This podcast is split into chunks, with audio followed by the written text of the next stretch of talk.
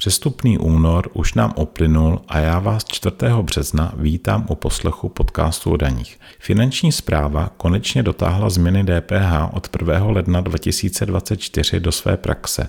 Mám na mysli třeba zapracování nového formuláře daňového přiznání anebo kontrolního hlášení do daňového portálu. Tak si na úvod řekneme pár poznámek DPH.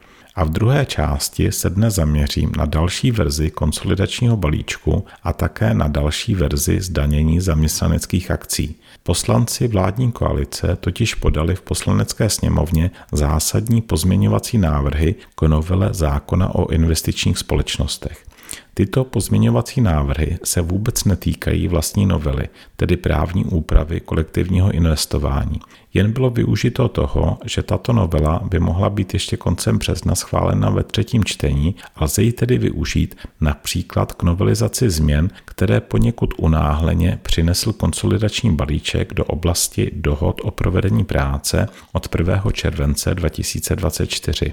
Přinesl poněkud unáhleně, to jsem hodně diplomatický. Asi si budu muset připustit, že autocenzura funguje. No, nebudu to rozpitvávat, jen jsem na úvod chtěl naznačit, o čem bude dnešní druhá část. Změny DPH od 1. ledna 2024 se lehce promítly do formuláře kontrolního hlášení. Vlastní formulář kontrolního hlášení novelizován nijak být nemusel a také kromě zrušení pole pro identifikátor datové schránky novelizován nebyl. Bylo však vhodné nápovědu k jednotlivým položkám kontrolního hlášení aktualizovat na podmínky roku 2024. Například, abychom v části B2, kam píšeme přijaté faktury nad 10 000, věděli, že do sloupců pro základ daně 2, respektive pro daně 2, píšeme současnou, tedy 12% sazbu daně, uplnění ve snížené sazbě daně. Ale to jen tehdy, pokud datum povinnosti přiznat daň nastalo od 1. ledna 2024. Pokud třeba za únor budeme uplatňovat přijatou fakturu, kde máme datum povinnosti přiznat daň loňské, tak pokud tam máme loňskou prvou sníženou sazbu daně 15%, tak fakturu zapíšeme do sloupců pro základ daně a sazbu daně 2. Pokud bychom tam měli loňskou druhou sníženou sazbu daně 10%, tak ji zapíšeme do sloupců pro základ daně a sazbu daně 3 tak toto nám do EPA, do vyskakovacích oken s vysvětlivkami doplnili. Trochu byly s kontrolními hlášeními přes EPO technické problémy, ale mě při odesílání kontrolního hlášení za leden naštěstí nepostihly. Úplně dotažené to ale zřejmě stále ještě v EPU není, protože ještě včera nefungovaly kontroly daně ve vztahu k základu daně, takže by vás to bez upozornění nechalo odeslat kontrolní hlášení, kde byste vykázali v A4 nebo v B2 základu daně pro sazbu 1, tedy pro 21% sazbu daně, že byste k základu daně 1 milion korun místo daně 210 tisíc vykázali daně třeba jen 210 korun. Ale to se snad opraví a alespoň stále stojí za to si kontrolku zkontrolovat v nějakém pořádném programu na daňová přiznání. Pokud jde o tu kontrolu základu daně a výše daně, on tam u přijatých faktur může být problém s limitací daně na vstupu u vybraných osobních automobilů. Pokud by se například při pořízení osobního automobilu za 3 miliony korun plus 630 tisíc DPH limitace uplatnila a byl by uplatněn plný odpočet daně, plný odpočet v tomto případě ovšem znamená 420 tisíc korun, tak bychom museli do B2 kontrolního hlášení napsali základ daně, napsali bychom tam základ daně 3 miliony a daň 420 tisíc korun. A do sloupce použit poměr bychom napsali, že použit nebyl. Potom by pochopitelně bylo v pořádku, že nám nesedí k základu daně 3 miliony, daň jen 420 tisíc korun. Nicméně za upozornění by to nepochybně stálo. Mimochodem, v přiznání k DPH tato kontrola nejenže funguje, ale přímo se nám při kontrole řádku 40 pro odpočet daně v základní sazbě daně zobrazí, že by to mohlo být limitací odpočtu pro osobní automobily. Pokud by vás zajímala limitace uplatnění daňových odpisů částku 2 miliony korun, poměrně podrobně se tomuto problému věnuji ve videozáznamu přednášky daně z příjmu 2024. Pokud jde o limitaci odpočtu DPH částku 420 tisíc korun, finanční zpráva k této limitaci vydala informaci 18. ledna. Na portálu finanční zprávy www.finančníspráva.cz ji však zatím neumístili do sekce pro DPH, ale musíte ji hledat v novinkách. Informace například potvrzuje, že při prodeji osobního automobilu, u kterého se při pořízení uplatnil limit 420 tisíc korun, tak se to při prodeji nijak nezohlední. DPH tedy bude nutné odvést z celé prodejní ceny. Limitu 420 tisíc korun pro odpočet daně u osobních automobilů, limitu 420 tisíc korun pro odpočet daně u osobních automobilů se budu věnovat také v přednášce DPH Tuzemsko 2024, kterou máme zítra 5. března a ze které bude možné koupit videozáznam. Na této a druhý den na přednášce DPH zahraničí 2024 začnu posluchače už lehce připravovat na změny, které nám od roku 2025 přinese velká novela DPH. Pokud jde například o zmiňovanou limitaci odpočtu pro osobní automobily, tak by měl být po třech letech zrušen. To znamená, že by se měl uplatnit jen za roky 2024, 2025 a 2026. Pokud jste si tedy loni pořídili nové Lamborghini a další si pořídíte až v roce 2027, tak by se vás limitace neměla nijak dotknout. Ono si možná říkáte, že je to proti principu DPH, Myslím to omezení odpočtu DPH u osobních automobilů. No, nemusí tomu tak být. Ona nám to Evropská komise částečně posvětila, protože u luxusního zboží může být odpočet daně doopravdy zakázán. Jenže pokud třeba auta pronajímáte na operativní pronájem,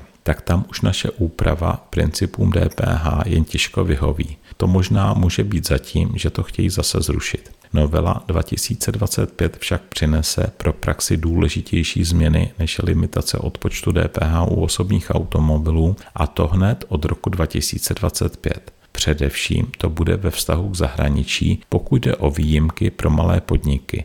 To si můžete poslechnout na přednášce DPH zahraničí 2024. Jenže úprava pro malé podniky České republice umožnila již od roku 2023 uvolnit limit pro povinnou registraci k DPH na 2 miliony korun. Jenže od roku 2025 bude nutné tento limit počítat podle eurounijních pravidel, tedy nikoli za 12 po sobě jdoucích kalendářních měsíců, ale za kalendářní rok. Kdo tedy bojuje s limitem 2 miliony korun a udrží se pod tímto limitem ještě za leden až prosinec 2024, tak od ledna 2025 se mu vynuluje a začne se mu nově od 1.1.2025 2025 načítat. Takto jsem trochu odbočil od kontrolního hlášení. Konečně finanční zpráva aktualizovala metodiku k vyplňování kontrolního hlášení pro rok 2024. Tedy trvalo jim to sakra dlouho. Novou metodiku zveřejnili až 22. února, tedy měl jsem spíše říci aktualizovanou nežli novou. Moc nám ale stejně nepomohli. V komentáři k části A4 stále máme, že se tam píšou doklady nad 10 tisíc i vůči neplácům, pokud jsou osobami povinnými k dani. Vůbec se tedy nevypořádali s tím, že většina podnikatelů kteří jsou nepláci daně, tak už nemá letos daňové identifikační číslo. Moc bych si s tím hlavu nelámal, pokud v evidenci u nepláce máte DIČ zadáno, tak by se nemělo nic stát, když jej v A4 vykážete, byť mu bylo letos to DIČ zrušeno. No a když vám ji nezdělí, tak neuvedeme do A4, ale do souhrné části A5 a nic se neděje.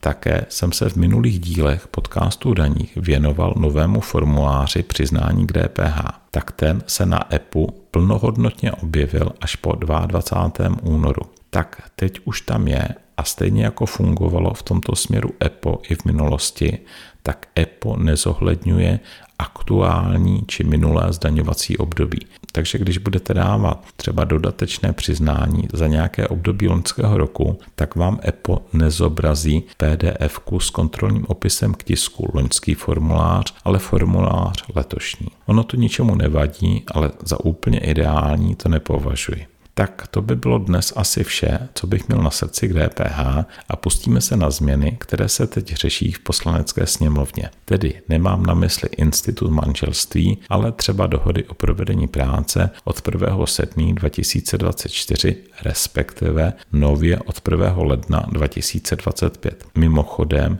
druhé čtení novely zákona o investičních společnostech, do které zřejmě budou přilepeny zásadní změny dohod, ale ještě i další změny, tak to poslanci minulý pátek probrali zhruba asi za 10 minut, nebo ani ne za 10 minut.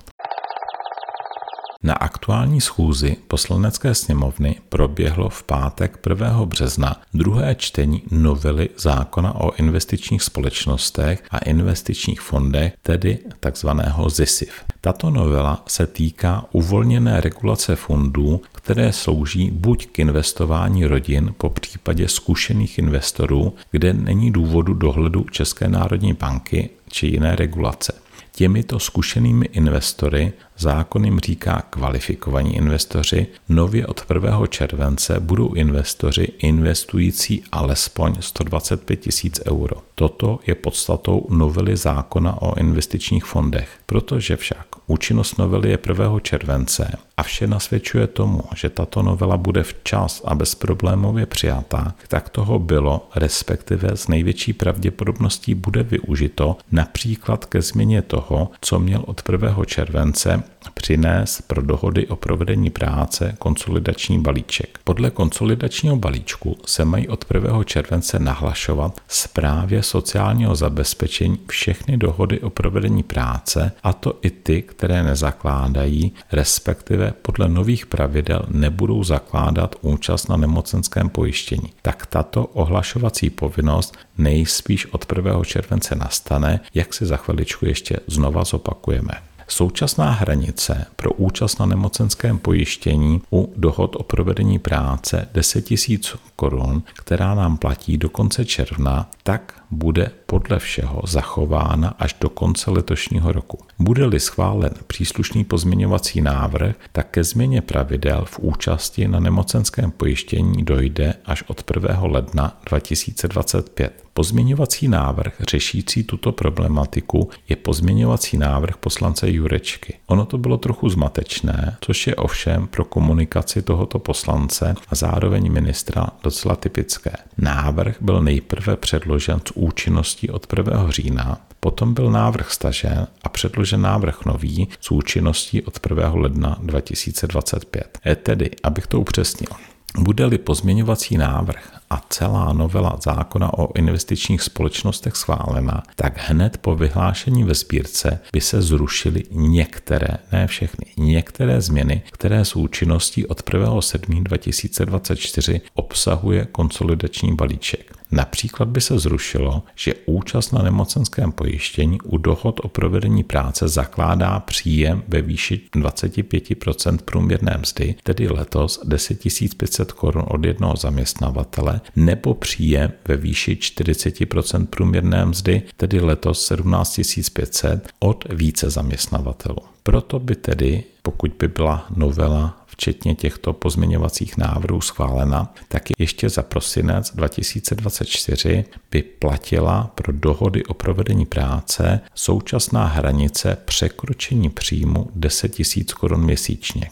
Potom tady však máme další změny obsažené v pozměňovacím návrhu poslance Jurečky. Tyto změny by byly účinné od 1. ledna 2025. Od roku 2025 by již nebyla pro dohody o provedení práce hranice 10 000 korun měsíčně platila by obecná hranice jedné desetiny průměrné mzdy, to je letos 4 tisíce, příští rok by to mohlo být 4500 nebo možná 5000 korun, tedy hranice pro zaměstnání malého rozsahu. Obecně by tedy pro účast na nemocenském pojištění platilo pro dohody o provedení práce to samé, co máme pro dohody o pracovní činnosti, respektive bylo by to podobné. Potom by tady však byl režim oznámené dohody o provedení práce. A to je prostě další zásadní změna oproti tomu, co jsme zvyklí, čili novinka nahrazující to, co zatím máme v konsolidačním balíčku od 1. července, to znamená ten kumulativní limit 40% průměrné mzdy od více do zaměstnavatelů, ten by se absolutně vypustil a byl by tady režim oznámené dohody o provedení práce. Tento režim by ovšem mohl být uplatněn jen u jednoho zaměstnavatele, který by si ji nahlásil u zprávy sociálního zabezpečení. A pro tento režim oznámené dohody o provedení práce by platila pro účast na nemocenském pojištění hranice 25 průměrné mzdy, tedy možná 10 500, možná to příští rok bude 11 000 nebo 11 500 korun. U jednoho zaměstnavatele by tedy byla hranice třeba 11 500 podle toho, jak vyjde průměrná mzda a pro dohody o provedení práce u ostatních zaměstnavatelů by to byla hranice třeba 4 500 měsíčně. Zase podle toho, jak vyjde průměrná mzda. To by bylo asi určitě vhodnější než kumulativní limit od všech zaměstnavatelů zakládající zpětně účast na nemocenském pojištění. Tedy to by bylo vhodnější než limit, který zatím máme s účinností od 1. července v konsolidačním balíčku. Bohužel však tam máme od 1. července také oznamovací povinnost pro všechny dohody o provedení práce. To ovšem pozměňovací návrh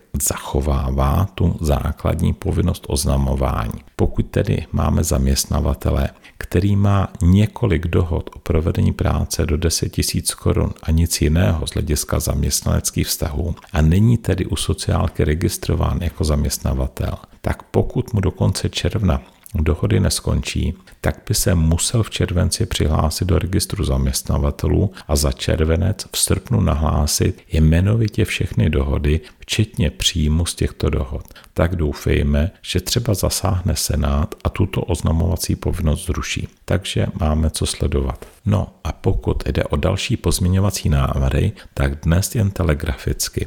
Jeden obsahuje změny zákona o daní z příjmu, Například, aby se uplatnilo osvobození od daně z příjmu fyzických osob i u obědů poskytovaných bývalým zaměstnancům. A druhý se týká pojistného, pokud jde o odvody ze zvýhodněného prodeje zaměstnaneckých akcí. Děkuji, že mě posloucháte, děkuji za vaši přízeň a za dva týdny se těším zase naslyšenou.